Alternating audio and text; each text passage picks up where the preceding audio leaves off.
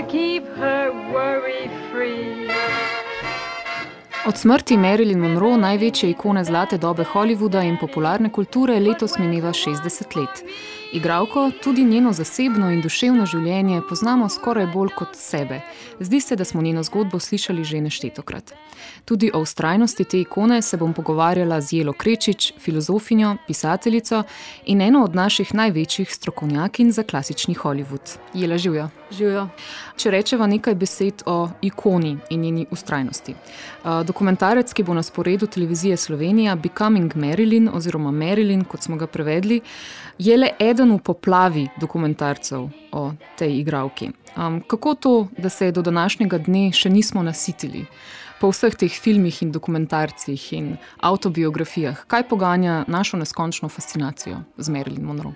Po mojem je odgovorov precej na to vprašanje. Recimo, že v času svojega življenja je veljala za nekakšen tipičen ameriški produkt, uh, kot dekle, ki prihaja iz nič in je uspelo s pomočjo holivudskih sanj ustvariti pač. Uh, nek impresiven opus, bogatstvo, uspeh, in tako naprej. Uh, skratka, imamo ta motiv nekoga, ki, uh, ki mu je omogočeno v Ameriki, v Hollywoodu, uspeti iz, um, prodreti iz revščine in res groznih okoliščin. Mm. V drugi vrsti, če rečemo tipični ameriški produkt, pač cela njena podoba, um, od obraza z rahlo priprtimi očmi, ne vem, s temi ustnicami, ki so morda malce delujejo nedolžno, otroško, skupaj z voljo do življenja, radostjo in tako naprej, je utelešala recimo neko podobo tega, kaj naj bi bila ta ameriška ženska po drugi svetovni vojni. Uloga te simpatične, nezahtevne, mm. um, zabavne, nepreresne mm. in hkrati izjemno lepe, ampak ne preveč nevarne ženske. Mm -hmm. Mogoče je tudi to, da je umrla tako mlada, ne? da je bila stara šele 36 let, v bistvu, da je njena življenjska zgodba ostala nedokončana in da so vsi te filmi in dokumentarci, se mi zdi, da skušajo narediti en šiv, da, jo, da skušajo osmisliti njeno trpljenje. Recimo. Tako, točno. Ja. Uh, to je tudi teza Jamesa Harveya v knjigi uh, Movie Love in the 50s. Uh, skratka, da je Marilyn Monroe postala na nek način nesmrtna ali pa zares uh, doživela svoj film šele s svojo smrtjo, oziroma po svoji smrti, ko je naenkrat zbudila sram pri ljudeh, ki so recimo dojeli, da so preveč uživali v tej njeni lahkotni, brhki, seksualizirani podobi. Po drugi strani so jo recimo ženske, ki so prej morda v njej videle tekmico, v njej zagledale žrtev holivudskega sistema, grozljivega otroštva in tako naprej. Ali pa tudi sočutje. Ali pa sočutje mm. do te njene usode. In um, posem se strinjam s tem, kar si rekla. Zdi se, kot da je šele to odprl pač ta neskončen diapazon premišljevanj, obravnav Merlin Monroe, njene zgodbe uh, in poskus osmislitve, konec koncev, tega, kaj je, kaj je bila, kaj mhm. nam je pomenila in zakaj nam je to pomenila. Pojdiva malo o kulturni dobi in njenim značilnostim. Kako je holivudski študijski sistem obravnaval igralce, oziroma še posebej igralke? Ja, tudi iz tega dokumentarca, ki ga bomo gledali na televiziji Slovenija, dobimo malce pogleda v to, da je bil to res eh, dokaj brutalen sistem. To je bil sistem, ki je ljudi, igralce in še posebej igralke, eh, popolnoma izčrpal, izžel in seveda z enim samim ultimativnim ciljem, to je bil dobiček. Bil je krut do vseh. Shirley Temple, ki je bila punčka, ko je prišla snemati v Hollywood, je tako isto kot ostale igralke, mm. recimo, morala delati vem, 12 ur skupaj. Zato tudi v dokumentarcu izvemo, so potrebovali vem, poživila, da so bili lahko po konci tako dolge delovnike, po drugi strani so potem potrebovali uspavala, da so sploh lahko zaspali ob, recimo, podnarekovaji nenormalnih urah. Zelo je bilo to izkoriščanje Hollywooda odvisno od tega, iz kakšne uh, družine je prihajala mm. neka ženska. In ženske, ki so prihajale iz bogatih ali pa vsaj dobro situiranih družin, iz urejenih družin ali pa iz družin, ki so imele tudi velik kulturni kapital. So, recimo Catherine Hepburn. Catherine mhm. Hepburn, mm. tudi Grace Kelly je bila mm. recimo taka, uh, Shirley Temple, kot smo rekli. Uh, to so ženske, ki so veliko lažje šle skozi ta brutalni stroj Hollywooda, imele so tudi ob sebi ljudi, družinske člane, ki so jo ali ščitili ali jo ujeli v svojo mrežo, takrat, kadar so bile na dnu. Uh, za razliko od igralk, kot je bila Marilyn Monroe, ki je v ta brutalni sistem pribežala iz še bolj brutalnega odraščanja. Mm. To je recimo neka ta tragična dimenzija ljudi, igralk kot je Marilyn Monroe, ki dejansko niso imele te opore v mm. družini, v denarju ali čemorkoli, na katere bi se lahko zanesle, ko jih je studio brutalno izkoriščal. Če samo na hitro obnoviva njeno odraščanje. Njena mama, mislim, da je bila duševna bolnica, ki je odšla v. Neko ustanovo v bolnico in je Merilin ostala sama. Je, vzeli so jo v sirotišnico, mislim, da je bila pri enajstih različnih rejniških družinah, tako da je imela ja, zelo težko otroštvo. Zelo težko otroštvo, tudi mislim, da ni dokončala srednje šole, čeprav danes pravijo, da je imela bojda izjemno visok IQ. Um, verjetno šole ni dokončala tudi zato, ker si je morala služiti denar medtem, ko je odraščala. Uh, tako da um, lahko vidimo, da za njo je Hollywood ob vseh grozotah, eksplicitnih seksualnih zlorabah, je za njo pomenil vendarle obljubo boljšega življenja. Pobeg, odrešitev. Ja. Odrešitev. Mm. In v bistvu v tem je tragika njena, da je v tem sistemu videla boljši svet od tega, v katerem mm. je živela. No, se ni ves Hollywood tako toksičen, kot danes govorimo, in o tem si tudi veliko pisala v svojih filmskih teorijah. Recimo v 30-ih letih je obstajal žanr skrubol komedij, kjer so bile junakinje brez dvoma v bistvu feministične, no? močne, inteligentne, duhovite, dominantne. Tudi um, 50 let so pa res zelo drugačna. Kaj se je zgodilo vmes? A lahko na kratko uriševa kontekst Hollywooda v 50-ih letih, v obdobju uspona Marilyn Monroe? Ja, to, je, to, kar si omenila, se mi zdi izjemno zanimivo. Namreč Catherine Hepburn, Carol Lombard, uh, Barbara Stanwyck so recimo igralke 30-ih, 40-ih let, ki so skozi predvsem skrubol komedijo, pa tudi nekatere melodrame, filme noir, dobile izjemno zanimivo vlogo v Hollywoodu, ki je bila daleč od tega, da bi bile zgolj postavljene kot seksualni uh, simbol simbol ali vem, objekt, ki se ga polašča moški pogled. To so bile v mnogih filmih ženske, z, ki so bile izjemno pametne, duhovite. In kar je najpomembnejše, znotraj zgodbe so dobile izjemno aktivno vlogo, kjer so si na nek način usodo pisale same. Po drugi svetovni vojni je pa res prišlo do nekega preloma v tem pomenu. Amerika je po vojni postala izjemna vele sila, ekonomska, politična, pač globalni akter. In zanimivo je, da ravno recimo, s to močjo, samozavestjo neke države, hkrati pride neka kulturna potreba ali pa tendenca po tem, da se zresnimo, streznimo, da si pogledamo v srce, globoko premislimo, kaj se dogaja z nami. Kakšne so naše prave vrednote? Kakšne so naše prave vrednote? Jaz smo jih morda v prejšnjih letih zapustili.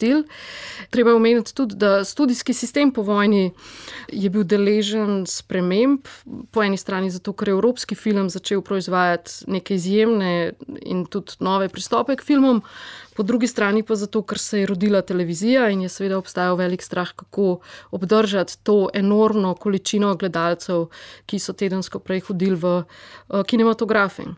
In eden od odgovorov je bil, seveda, v iskanju tudi novih zvest. Ena od formul je bila The Girl Next Door, se pravi ženska, ki je taka, kot smo mi vse, dekle z ulice. Pričemer pa bi rekla, da če se vrnemo k Marilyn Monroe, da za njo težko rečemo, da je bila preprosto Girl Next Door. Uh, mogoče je bila izjemna ravno potem, da uh, v njej, v njeni prezenci, tudi v njenih vlogah, konec koncev, vedno imamo opravka z nekim preseškom, ki se ga ne da čisto spraviti v ta model. Nekaj je proizvedla svojo podobo, kar je šlo, mislim, da onkraj uh, tudi tega, kar si je studio zamislil za njo. James Harvey piše, da je Marilyn Monroe seks brez greha, da v bistvu izpodrine to fatalko, ponuja seksualnost brez noir elementa, brez nevarnosti, brez greha. Ja. Se povsem strinjam s Harvijem in s tabo. Uh, uh, je bila potisnjena v to vlogo uh, seksualnosti, ampak brez madeža. Se pravi, neka vrsta nedolžnosti in seksualnosti skupaj, ali pa celo otroškosti in seksualnosti skupaj. Harvij uporablja en izraz, ki se mi zdi sijajen, namreč, da je bila ona Disney verzija seksualne boginje. In mislim, da jo je studio poskušal na ta način tudi uporabiti v svojih filmih.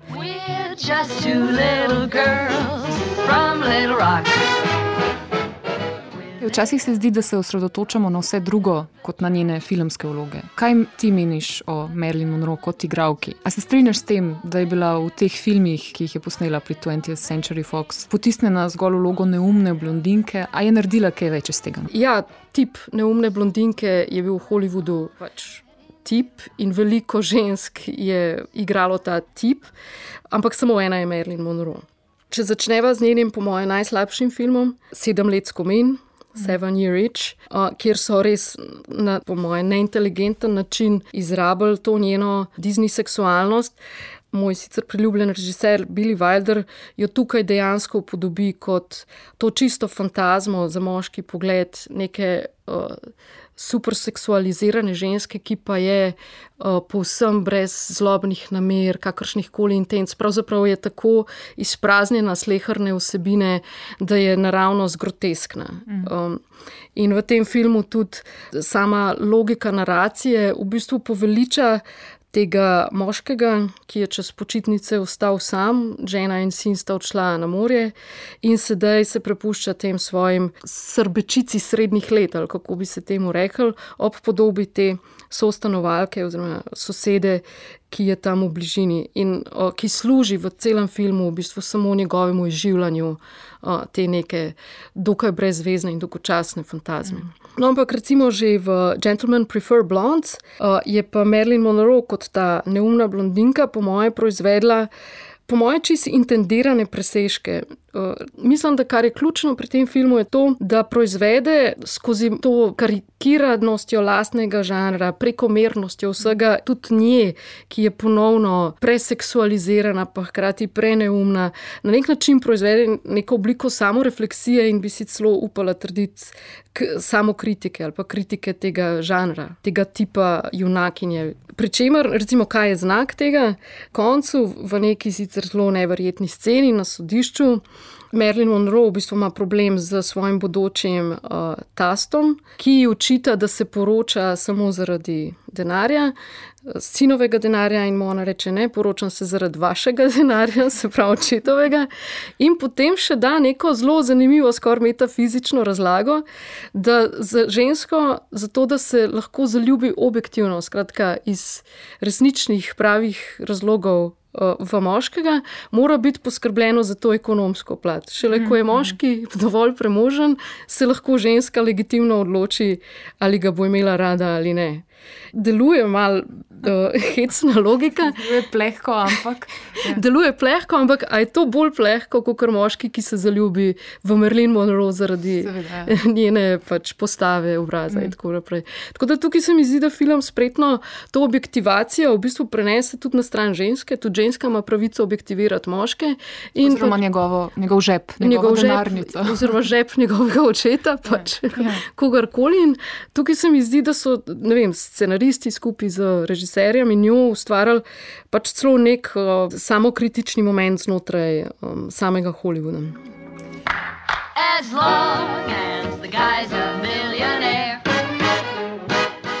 Uh, kar naredi Hollywood, kar Hollywood zna, pač z vsemi napakami skupaj, je pokazati na to, proizvesti neko stališče do oseb, ki jih imamo za neumne. Se pravi, imamo to junakinjo, ki je narejena, posneta, reprezentirana kot neumna, ampak Hollywood ponavadi zna uh, proizvesti tezo, da tam, kjer imamo nekoga za neumnega, smo v resnici mi tisti, ki smo neumni. Ravno v tem ko prevzamemo, da smo superiorni, da vemo več in bolje kot ta neumnež. In mislim, da je to recimo še en primer filma, poleg uh, Gentlemen Prefer Blondes, kjer Marilyn Monroe dejansko kot ta budala, kot ta naivnica, nedolžnica, v bistvu izpade še najbolj uh, inteligentna v vsem filmu. Edina, ki v resnici ve, kaj se dogaja in ki zna konec koncev tudi doseči to, kar si želi. V zvezi s tem je velika tema, zaradi katere je Marilyn še posebej danes tudi vroča, ta tema seksualnega objektiviranja žensk. Ne. V tem dokumentarcu recimo slišimo reči naslednje: da fotografi so mislili, da izkoriščajo mene, v resnici sem pa jaz izkoriščala njih, da bi se povzpela. Če nadaljujeva to diskusijo že odprej, kako je z emancipacijo seksualnega objekta? A je bila ta njena hiperseksualizacija tudi orožje? Vsaj njene lastne osvoboditve, recimo. Ja, v bistvu tukaj nimam nedvoumnega odgovora. Dejstvo je, da je ona pomagala sokreirati to podobo uh -huh. persona Marilyn Monroe, se pravi te blondinke o, s takim dekoltejem. Ja, to ni bil čist študijski proizvod. Ne? Ja, sama se. Avtorski. Ja, in tudi v tem filmu um, slišimo, mislim, da iz njenih dnevnikov ali pisem, uh, neko njeno izjavo, ko se gleda v gledalu in se absolutno občuduje in se obožuje. Tako da recimo ta podoba neke čiste žrtve Hollywooda, da s takimi izjavami mečkam pade pod vprašanje. Veliko vprašanje za me je recimo to, zakaj si kljub temu, da je pripeljala enormne dobičke, zakaj si ni uspela izboriti vsaj uh, takega plačila kot Elizabeth Taylor pri istem studiu. Vemo, da so bile ženske vedno manj plačane kot moški, ampak. Um, Ona je bila tudi manj plačana od soigralcev. Soigralk, tako. Celo do desetkrat manj. Ja, in to je za me recimo velika enigma. Predstavljam si, da odgovor tiči ravno v tem, da ni imela nekega zaledja niti v agentih ali. Uh, pač prijateljih, ki bi pomagali pri uveljavljanju njenih pravic. Ko pride do, te, do tega seksualnega simbola, upravljanja s seksualnostjo, mislim, da Marilyn Monroe ni bila preprosto samo eksploatirana seksualno.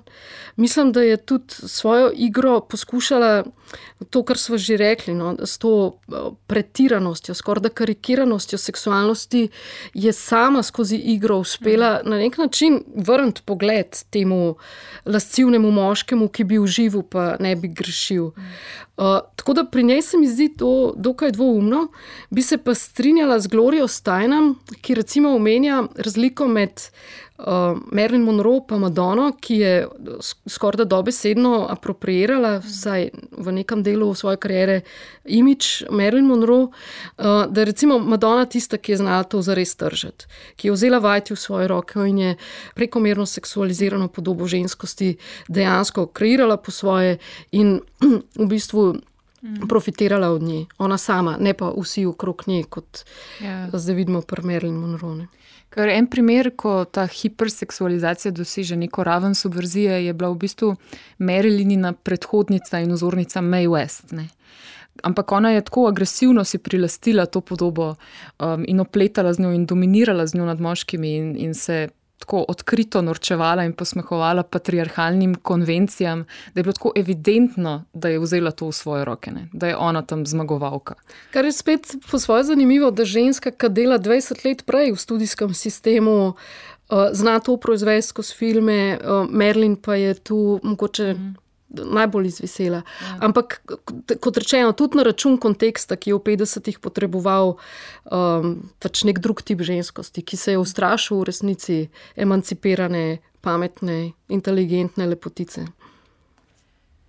Ko sva pri filmskih vlogah, je treba nujno omeniti, da se je Marilyn Monroe igranja učila v Actor Studio in je bila ena od slavnejših privrženk te igralske metode. Povej, kako je ta vplivala na igro in življenje Marilyn Monroe. Tukaj bom rekla nekaj provokativnega. Jaz mislim, da je slabo vplivala na Marilyn Monroe, pa ne zato, ker mislim, da ni bila talentirana ali pa karkoli takega, ampak zato, ker preprosto med to, kar je bila Marilyn Monroe kot persona, ta uloga Marilyn Monroe. Absolutno ni šla eh, skupaj z načeli metode. Mislim, a si lahko predstavljamo to, nekje kritičarka Pauline Kale reče, a si predstavljamo Marilyn Monroe, da igra v treh sestrah od uh, Čehova. Čehova. To je problem, ki ga imajo zelo popularni in ikonični igralci še danes. Vemo recimo za te super popularne junake iz sitkomov. Od vem, Seinfelda do prijateljev, kako težko so potem gradili kariero, ne vsi, ampak par njih eh, ni mogel zapustiti svojega lika, oziroma lik ni hotel zapustiti njih. In študiji tudi v današnjem času imajo probleme s tem, kako nekoga, ki je tako zaznamovan, tako kulturno usidran, uh, pač lansirati v nek projekt, ki je povsem skregan, recimo, s to. In še posebej gre za te igralce zaznamovane s nekimi komičnimi vlogami. Peter Sellers, recimo, ki je bil tako absolutno briljanten komedijant in je vedno hotel igrati v teh resnih vlogah. To so te tragične zgodbe. Te To so tragične zgodbe komičnih, Komičnih igralcev. igralcev. Ampak, ja, hvala, da si me spomnila. Mislim, na tem mestu je treba tudi reči, da um, v čem je še problem za me metod actinga. Pač metod acting ima to uh, teorijo ali predpostavko, da mora igralec nekako v svojo notranjost, v svoje spomine, zato da bo najdel avtentično čustvo, ki bo zdaj reprezentiralo nekega junaka. Uh, ampak kar se s tem zgubi, in to je, tukaj se spet nanašam na Jamesa Harvija, je natanko to, da igra ni samo posnemanje nekega čustvenega sveta igralca. To je v resnici zelo siromašen svet, mislim, siromašen svet, ne vem. Nekih emocij, pa travm iz otroštva, nekega ne vem, igralca, igralke. Igra je lahko tudi obljuba nečesa novega. Mislim, to so imele recimo te igralke, ala Catherine Hepburn, pa Carol Lombard, ki so z neko izumetničenostjo ali pa saj z neko fabriciranostjo, ki skratka ni to iskanje samega sebe v vlogi, so uspele proizvesti neko obljubo, ne vem, obljubo lepšega sveta, obljubo drugačnega tipa ženske, Ja. obljubo drugačnega tipa čustvovanja. In mislim celo, da je imela to tudi Merlin v svojih komičnih vlogah, da je proizvedla znotraj teh izumetničenih, karikiranih vlog tudi nek ščepec te obljube, obljube, ne vem. uh, Lepote, obljube zabavnosti, obljube neke druge, uh, ne vem, pametne ženske za neumno fasado. Uh, Zato mislim, da je bil Lee Strasberg morda zadnji žebelj v krsto Merlin Monroe. Je pa ona s tem Strasbergovim zapustila 75 odstotkov svojega premoženja. Tako da se vidi, kakšen vpliv je imel na njo aktorstvo. Ja, očitno je bila to na nek način njena družina. Uh, but it, I'm not just generally happy. If I'm generally anything, I guess I'm generally miserable. Govorila so o recimo, tej veseli, komični plati Marilyn Monroe, ampak um, presenetljivo je sentiment, ki ga opazimo v domala vseh dokumentarnih, pa tudi filmskih obravnavah v zadnjih letih. Evidentno tudi v tem prihajajočem uh, hollywoodskem blockbusterju Blondinka, kjer bo Marilyn igrala igralka Ana de Armas, da je pa to sentiment tragičnosti. Kako vidiš to razcepljeno podobo Marilyn Monroe? Po eni strani kot to vitalno, srečno, hiperseksualizirano žensko, po drugi strani pa kako jo prikazuje fikcija kot neko absolutno nesrečnico, eh, se pravi depresija, odvisnost, neuslišane ljubezni, nesojena umetnica. Ja, s tem se mal vračava, se mi zdi, na začetek uh, pogovora. To v bistvu neskončno in večno spraševanje, kaj je zares bila, kaj je zares bila za svojo masko Marilyn Monroe. In na nek način se mi zdi že vprašanje zgrešeno. Uh, namreč predpostavka tega, kdo je bila resnična Merlin, pomeni, da ta njena persona, Marilyn Monroe, je bila zgolj neka kaj, zunanjost, ki si jo je nadela, medtem ko filozofija, psihoanaliza nas uči, da maske imajo realne učinke. Maske so del substance, ni substance brez maske in obratno. Tako da, uh, mislim, vedno se mi zdi sporne, sporno iskanje teh psiholoških vzrokov, razlogov za nekogaršnjo žalost ali tragično usodo, in se mi zdi skoraj da bolj produktivno ostati na površini in pogledati. Kaj nam ta spo, površina sporoča? Zdaj, to, da bo Hollywood naredil še en film o Marilyn Monroe, vse kaže, da bo to neka uh, Črno-bela tragedija. črno-bela tragedija, žalostinka.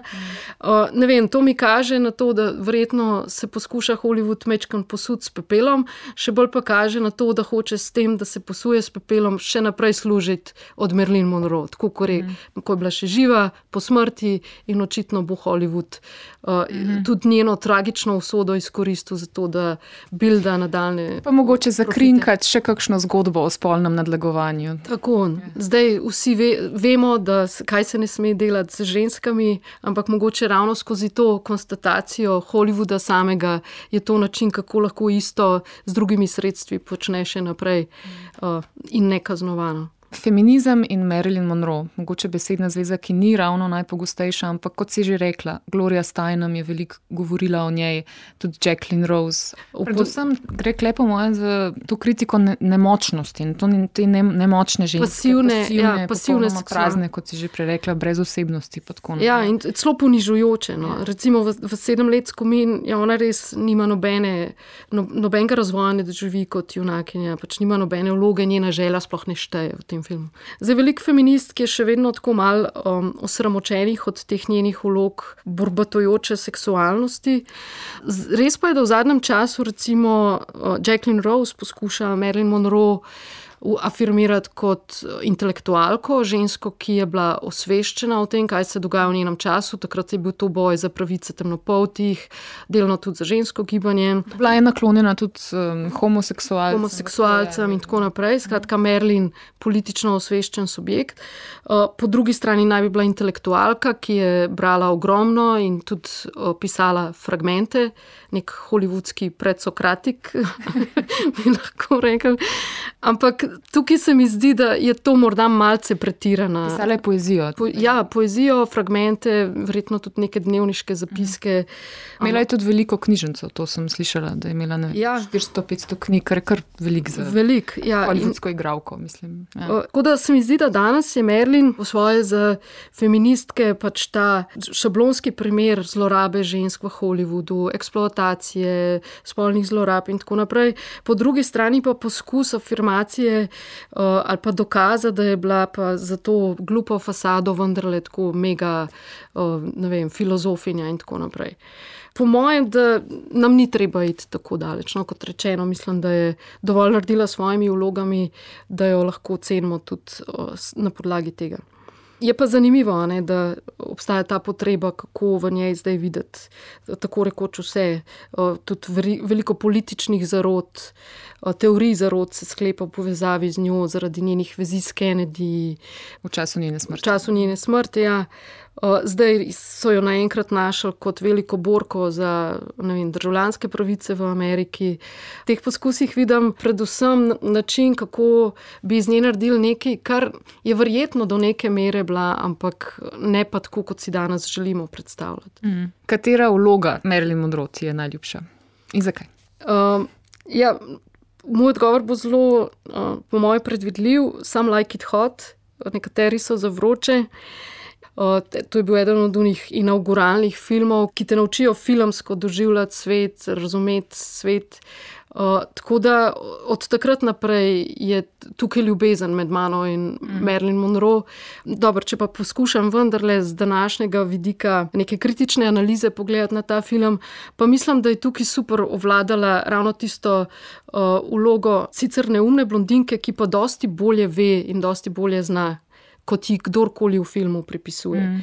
In mogoče se bodo poslušalci, gledalci spomnili v zadnjem prizoru tega filma nekaj tazga tudi izreče. Pride skupaj s tem Tonyjem Curtisom, uh, skratka moškim, ki je zadnji, ki bi ga želela imeti, ker je saksofonist, ker je nezanesljiv, skratka slabo. Ker je vas film lagal. Ker je vas film lagal. In ona reče: Ja, sej vem. Vem, da si vse to, ampak kljub temu je pač tu ljubezen. Mhm. In v tem se mi zdi celo nekaj emancipatorno pogumnega. No? Ali, ali ni vsaka ljubezen, uh, konec koncev, to, da greš skozi neke očitne barijere, da tam, kjer ni možnosti, izdolbeš neko luknjico možnosti. Uh, to, to jaz vidim v tem, tej njeni zadnji repliki, potrjujejo pa seveda potem še tisti Ozgud, reče drugemu moškemu nekaj podobnega. Ne, mm. skratka, ljubim te, nobody's perfect, poročila se bo kljub mm. temu, da sva oba moška. Ampak meni se zdi ta druga zgodba z Jackom Lemonom, to je ta glavna komična zgodba, no? ko se on tako eh, poistoveti z stereotipom ženske, ki je v resnici blondinka, ki je v resnici Marilyn Monroe, da popolnoma opusti svojo tisto toksično moškost iz začetka filma. Če se spomniš, je bil on blazno zoprn in nevrotičen in v bistvu se tako boječe oklepa svoje moškosti, ne? ko se preobleče v žensko. Potem pa se Potem se- popolnoma prepusti. Potem pa se komaj zaroči. odreče svoji ženskosti na koncu. Ja. Every baby needs a dad, dad, daddy. But where's the one Mogoče samo omenjava še, da je njen zadnji film The Misfits je napisal prav za njo njen mož Arthur Miller. Verjetno ni čudno, da sta se kmalo potem uh, razšla. Vsaj James Harvey ima recimo to interpretacijo, da jo je tu postavil v neko vlogo, kjer očitno zelo eksplicitno tematizira njo samo, njeno vlogo v Hollywoodu kot ženske, kot stereotipa. In recimo Harvey v tem filmu že prepoznava, da je ona to z neko kar s hudim odporom in bolečino odigrala. Da, da, da skratka, film, ki bi mogel biti narejen za njo, kjer bi morala najbolj uživati osvoboditev. v Ja. bistvu, ja. jo je na nek način bolj zaklenil in oropu nje, njene substance, kot vsi tisti blesavi filmi predtem Mogoče je neka svoboda v stereotipih. in v žanrih. Najlepša hvala, Jela, za ta super pogovor. Hvala te. Vas, poslušalke in poslušalce, pa lepo vabim k ogledu dokumentarnega filma Marilyn. Lep pozdrav! Daddy, could my dad, daddy be you?